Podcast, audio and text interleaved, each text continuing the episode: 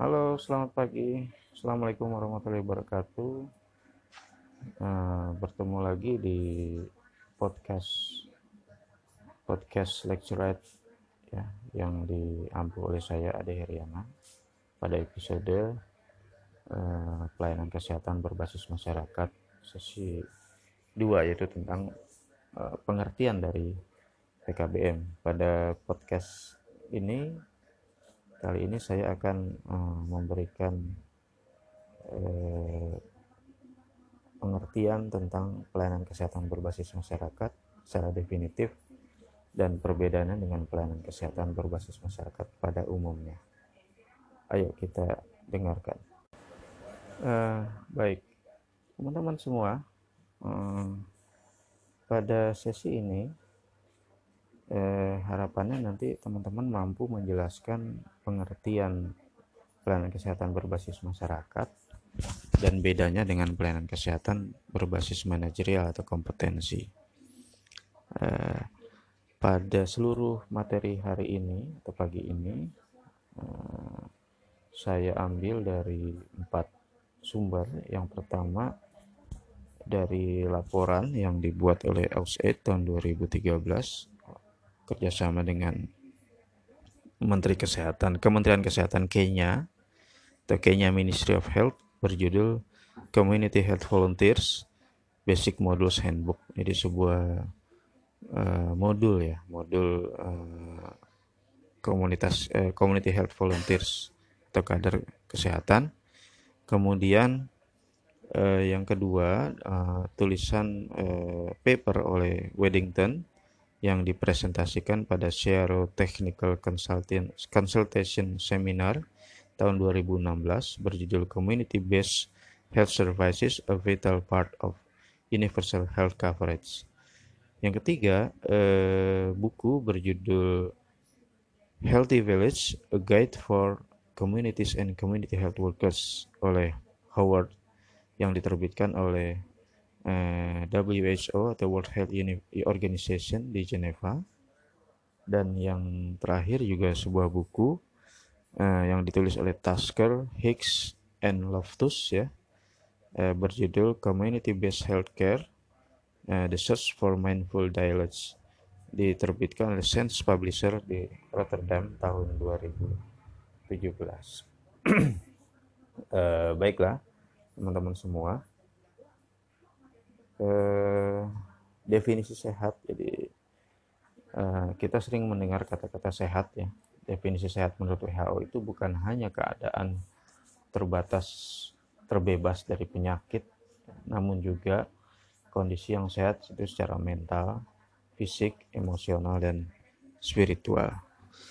Dengan demikian kesehatan seseorang itu dipengaruhi oleh komunitasnya Ya, kenapa? Karena sehat itu bukan hanya masalah fisik saja, tapi di sini ada masalah eh,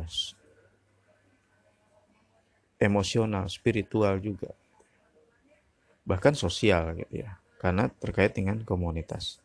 Nah, sekarang apa yang dimaksud komunitas? Nah, karena kita bicara pelayanan kesehatan berbasis masyarakat, tentu tidak bisa lepas dari komunitas.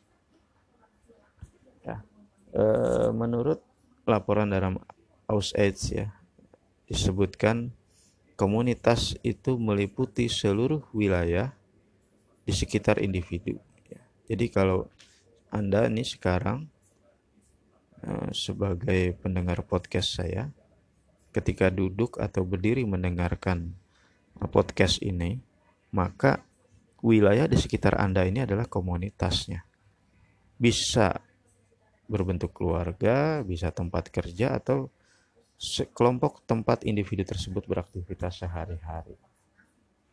Nah, itu definisi komunitas. Nah, sekarang eh, tadi disebutkan bahwa seseorang itu kesehatan seseorang dipengaruhi oleh komunitasnya. Tentu komunitasnya itu komunitas yang sehat. Nah, bagaimana komunitas yang sehat itu kan begitu? Komunitas yang sehat itu merupakan tempat yang masyarakatnya secara terus-menerus menciptakan dan memperbaiki lingkungan baik secara fisik maupun sosial. Ya, jadi ciri-ciri sekali lagi, ciri-ciri komunitas yang sehat itu adalah masyarakatnya terus-menerus menciptakan dan memperbaiki lingkungan.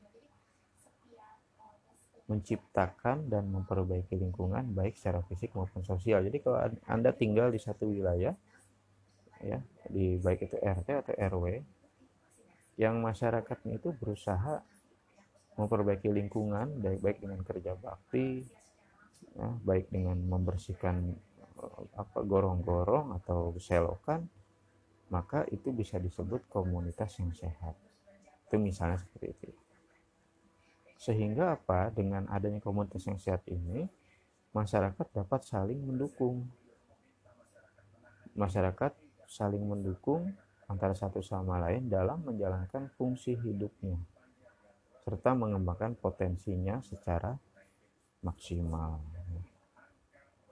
Nah ini kita sering kan dengar istilah gotong royong gitu ya. Nah gotong royong itu kan merupakan kegiatan masyarakat yang saling mendukung.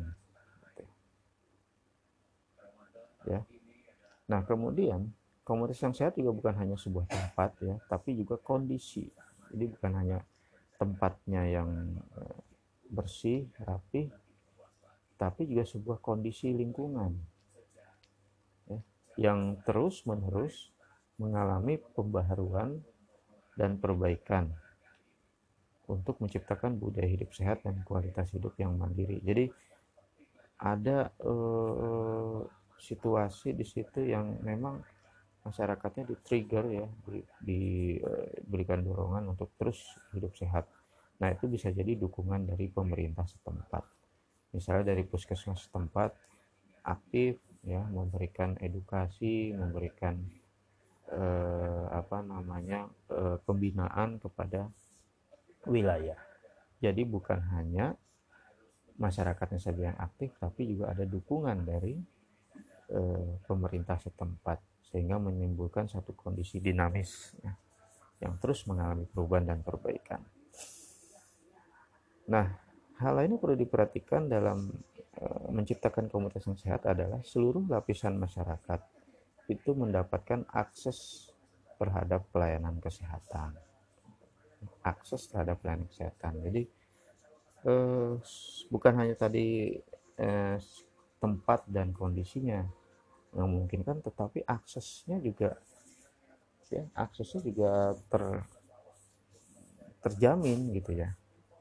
Jadi eh, misalnya sebuah daerah memang eh, bagus kondisinya sehat bersih dan sebagainya tetapi untuk mencapai rumah sakit dia harus butuh perjalanan satu sampai dua hari ah itu juga bukan komunitas yang sehat.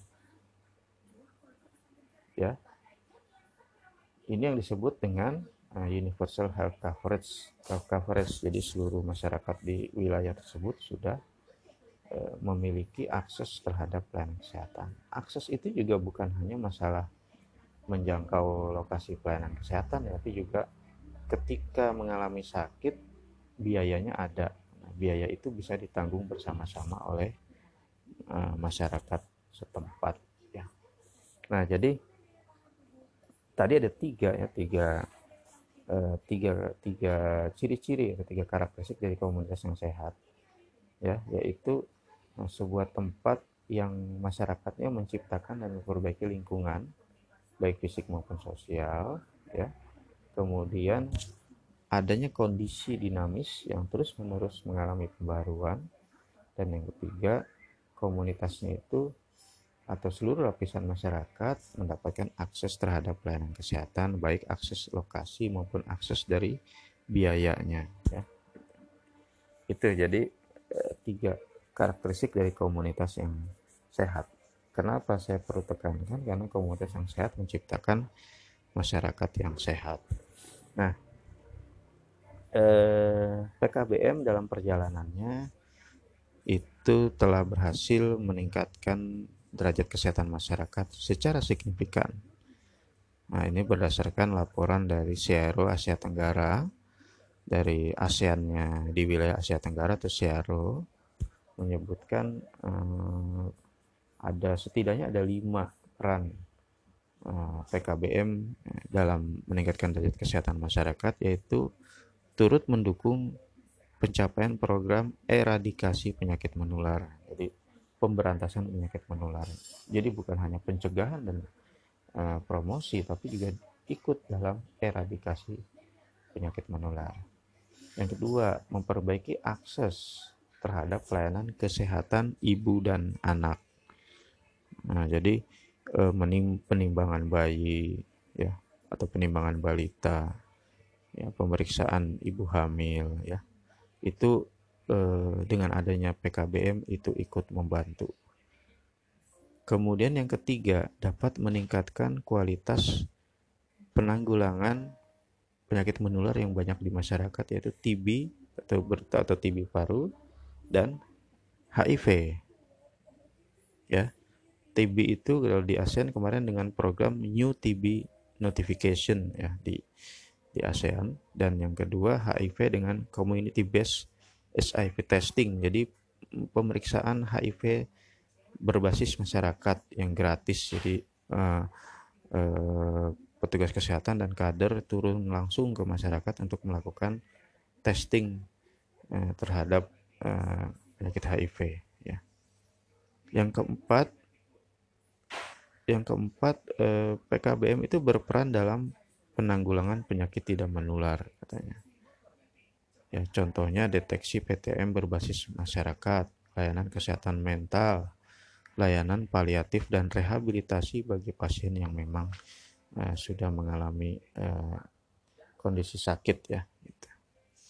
Dan yang kelima, ternyata PKBM juga ikut berperan dalam penanggulangan wabah penyakit ya, seperti intervensi berbasis masyarakat dalam mengatasi wabah virus flu burung H5N1.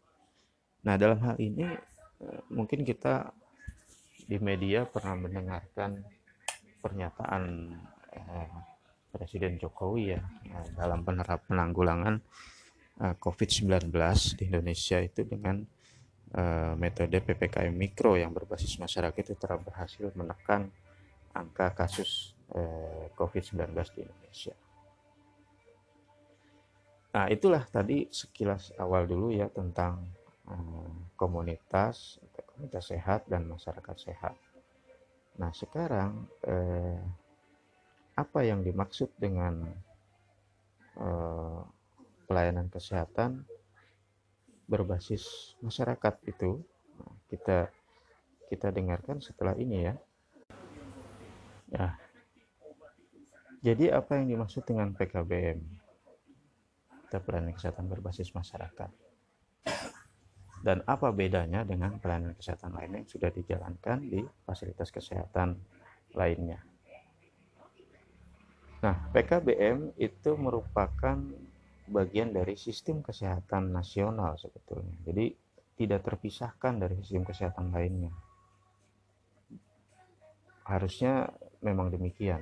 Ya, kenapa? Karena eh, PKBM ini berfungsi menghubungkan antara puskesmas atau fasilitas kesehatan primer, ya, baik itu puskesmas, klinik maupun eh, rumah sakit dengan komunitas atau masyarakat. Artinya membantu fasilitas pelayanan kesehatan yang sudah ada untuk sebagai kepanjangan tangan kepada komunitas yang sulit dijangkau.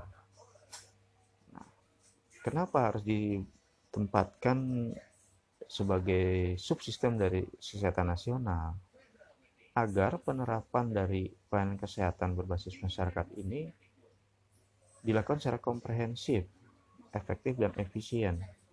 Artinya jangan sampai terjadi duplikasi atau tumpang tindih PKBM di masyarakat. Misalnya sebuah eh, puskesmas menyelenggarakan kegiatan A ada PKBM kegiatannya sama juga. Nah, ini harusnya disinergikan ya. Jangan sampai terjadi malah semacam kompetisi atau kompetitor persaingan. Bukan seperti itu. Jadi harusnya ada sinergi dengan pelayanan kesehatan lain. Namun demikian, yang disayangkan dalam prakteknya, ya, eh, kegiatan PKBM ini sering tidak nampak ke permukaan artinya kalah pamor orang tuh lebih pada masyarakat yang mungkin masih mengutamakan kuratif atau pengobatan ya. Eh, PKBM itu eh, kalah pamor atau kalah terkenal dengan pelayanan di rumah sakit. Eh, saya kira makanya dalam beberapa penelitian pemanfaatan posyandu itu sangat rendah. Ya karena memang masyarakat masih mempercayai pada pelayanan kesehatan yang berbasis kompetensi atau manajerial nanti akan saya jelaskan. Nah, jadi pengertian PKBM itu apa? Nah, ini dalam seminar Searo Technical Consultation on Strengthening Community Based Health Service di India tahun 2015 ya. Definisi PKBM itu disepakati sebagai berikut. Uh, all services provided by people who spend a substantial part of their working time outside a healthy facility, discharging their services at the individual, family, or community level, as well, as primary healthcare services provided in small local health facilities. The exact boundaries of the definition will differ from country to country. Jadi akan berbeda pada setiap negara gitu maksudnya.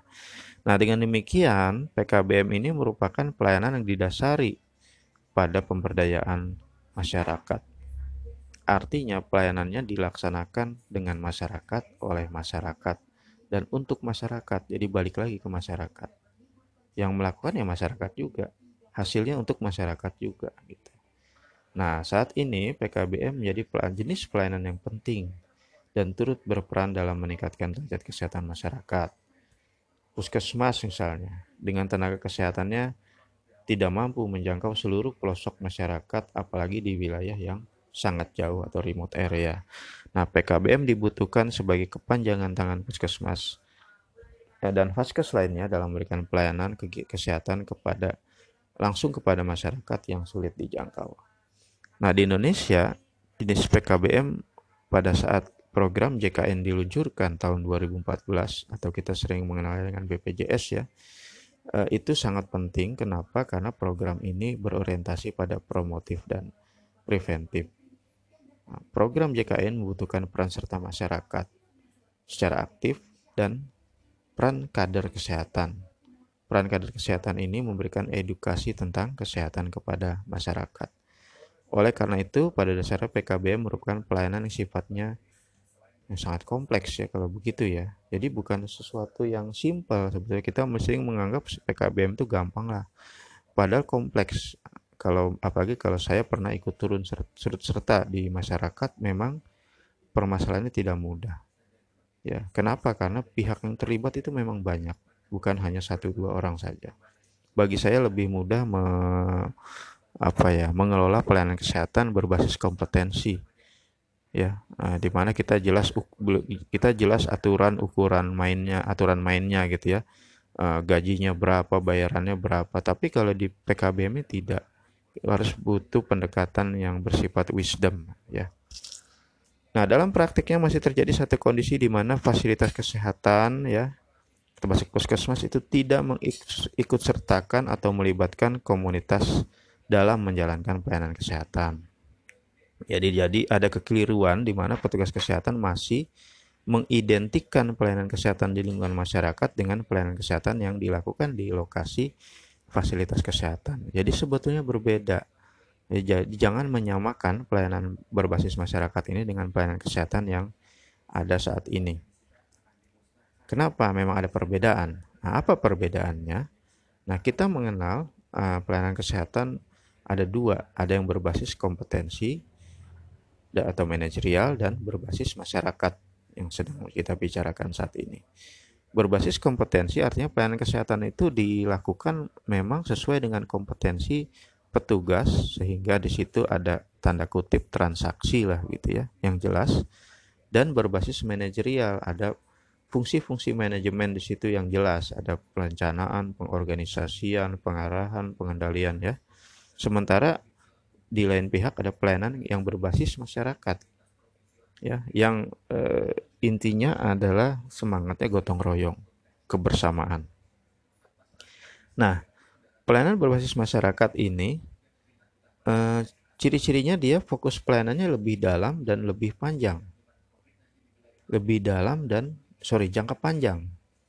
Jadi bukan sebentar. Kenapa? Karena pendekatannya secara personil. Nah, ini berbeda dengan pelayanan kesehatan berbasis manajerial yang eh, pelayanan fokusnya itu lebih dangkal ya dan jangka pendek. Dilakukannya secara cepat, efisien dan dengan biaya rendah. Jadi sebisa mungkin biayanya rendah. Oh, berbeda dengan berbasis masyarakat. Kalau misalnya kita di rumah sakit ya, eh, tentu eh, kita ke, tingkat keterikatan ya antara kita dengan petugas kesehatan tuh lebih rendah dibanding dengan kalau kita mendapatkan pelayanan dari kader setempat misalnya begitu ya. Yang kedua eh, pelayanan ber, berbasis masyarakat itu eh, pada prakteknya hubungan tenaga kesehatan dengan pasien itu berkesinambungan. Jadi bukan hanya sementara saja. Beda dengan kalau di eh, rumah sakit atau puskesmas di mana pasien kalau sudah diberi perawatan, diberi pelayanan ya selesai pulang gitu ya. Tidak ada eh, kesinambungannya mungkin nanti dalam bentuk kontrol lagi balik lagi. Itu pun diberi waktu tertentu. Tetapi dalam eh, berbasis masyarakat tidak. Ya, ini berkesinambungan ya tanpa ada eh, istilahnya ikatan harus datang kapan dan sebagainya bahkan kedekatannya bisa sangat emosional kapan pun dibutuhkan itu harus siap e, contoh misalnya pada e, pelayanan HIV gitu ya seorang kader itu kadang harus dihubungi oleh klien mereka itu bisa jam 3 pagi jam 2 pagi karena ada satu hal yaitu harus dilayani juga itulah kemudian yang ketiga pelayanan kesehatannya itu diberikan di lokasi dekat atau sekitar domisili pasien bahkan bisa di tempat tinggal pasien. Sehingga apa? Dalam hal ini masyarakat bertindak, masyarakat atau pasien ya, bertindak sebagai tuan rumah. Nah, berbeda dengan pelayanan kesehatan berbasis kompetensi atau di rumah sakit, itu pasien bertindak sebagai tamu. Jadi eh, di sini pelayanannya pendekatannya lebih eh, kekeluargaan ya bisa bilang begitu karena dia sebagai tuan rumah. Nah, itulah tiga perbedaan penting antara pelayanan berbasis kesehatan masyarakat dengan pelayanan berbasis kompetensi. Di mana berbasis masyarakat ini eh, pendekatannya lebih personil, eh, hubungannya jangka panjang dan pasien bertindak sebagai eh, tuan rumah. Nah, berdasarkan sifat PKB yang melibatkan masyarakat, komunitas secara mendalam dan jangka panjang, maka sebaiknya harus dilakukan identifikasi kebutuhan intervensi yang sesuai. Jadi eh, jangan sampai kita membuat PKBM yang tidak sesuai dengan kebutuhan masyarakat setempat. Kesehatan remaja misalnya begitu. Apakah dibutuhkan oleh masyarakat setempat? Ada ada beberapa masyarakat yang eh, misalnya di lingkungan santri itu menyerahkan eh, pengelolaan mental anak remajanya kepada uh, pesantren misalnya begitu.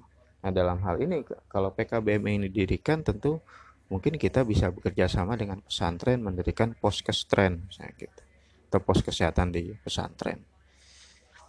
Uh, juga dalam mendirikan PKBM ini memperhatikan kebiasaan-kebiasaan yang berlaku di masyarakat yang berkaitan dengan kesehatan. Jadi jangan sampai nanti PKBM sudah didirikan mubazir karena masyarakat tidak terbiasa ya begitu e, identifikasi kebutuhan tersebut meliputi jenis apa yang dibutuhkan tadi jenis pelayanan yang diinginkan dan lokasi pelayanan yang di tempatnya di mana ya. Jadi e, jenis e, yang diinginkan ya.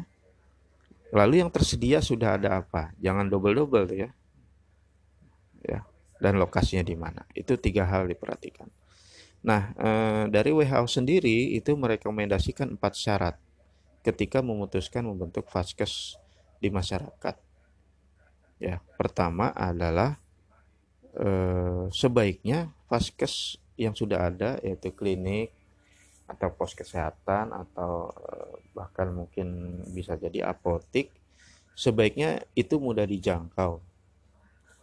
Ya, mudah dijangkau oleh masyarakat terutama oleh wanita dan anak-anak.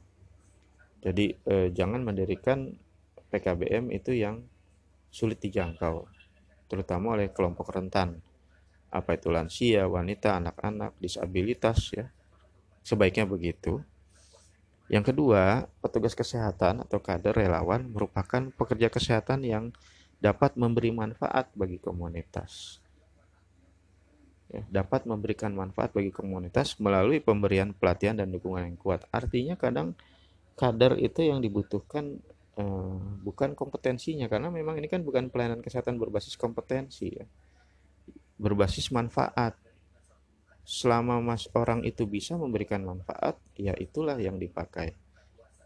Jadi eh, misalnya ada sebuah wilayah eh, di situ ada eh, masyarakatnya yang memang tenaga kesehatan ada perawat atau bidan atau ada mungkin bahkan dokter tetapi bisa saja kadernya itu diambil bukan dari tenaga kesehatan, tapi masyarakat biasa yang diberi pelatihan dan dukungan. Kenapa? Karena yang dilihat adalah manfaatnya, bukan bukan dari kompetensinya. Ya kan akan lebih baik kalau memang tenaga kesehatan tersebut bersedia menjadi kader, kan itu lebih baik lagi. Tapi tapi bukan itu masalahnya. Yang penting bisa memberikan manfaat ke masyarakat. Ya. Yang ketiga, pelayanan kesehatan yang ada saat ini. Jadi yang di sekitar uh, wilayah kita atau komunitas kita itu apakah itu apotik, toko obat, lab klinik dan sebagainya itu dapat dijadikan mitra. Sebetulnya mereka dapat dijadikan mitra. Bagaimana caranya?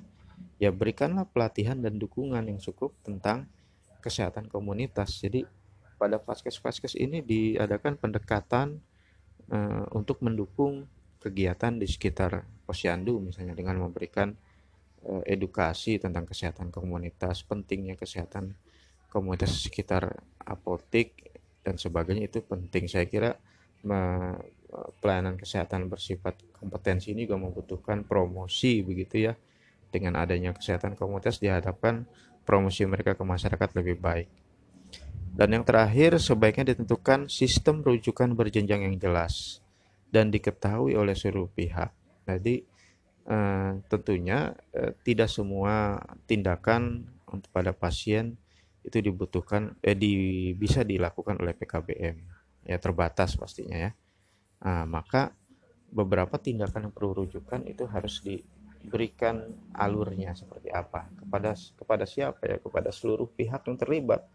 Baik itu kepada masyarakatnya kepada kadernya kepada pimpinan wilayahnya dan sebagainya supaya begitu ada kejadian-kejadian tertentu bisa dilakukan uh, rujukan besar berjenjang. Nah, itu adalah empat rekomendasi yang diberikan oleh WHO agar uh, pelayanan kesehatan di masyarakat itu bisa bermanfaat. Nah, jadi dapat disimpulkan di sini bahwa pelayanan kesehatan berbasis masyarakat itu merupakan bagian sistem bagian dari sistem kesehatan nasional ya yang dilakukan dengan asas pemberdayaan masyarakat yaitu dari masyarakat oleh masyarakat dan untuk masyarakat dengan eh, PKBM ini memiliki tiga karakteristik yang membedakan dengan pelayanan kesehatan lainnya yaitu PKBM itu lebih pendekatannya lebih personal hubungan pasien dengan tenaga kesehatan itu jangka panjang dan pasien atau klien bertindak sebagai tuan rumah jadi itu saya kira yang bisa saya sampaikan pada uh, uh, sesi podcast hari ini. Uh, sesi kedua tentang pengertian pelayanan kesehatan berbasis masyarakat. Semoga uh, sesi ini bisa bermanfaat bagi anda yang sedang uh, memperdalam uh, community based healthcare baik nanti sampai ketemu lagi pada pertemuan-pertemuan selanjutnya uh, insya Allah akan diberikan materi tentang pelayanan kesehatan berbasis masyarakat pada berbagai sisi dari sisi uh, sumber daya, proses dan output yang dihasilkan. Sampai ketemu lagi. Uh, jaga tetap tetap jaga kesehatan, protokol kesehatan selama COVID-19. Semoga kita bisa terhindar dari eh, wabah penyakit. Assalamualaikum warahmatullahi wabarakatuh.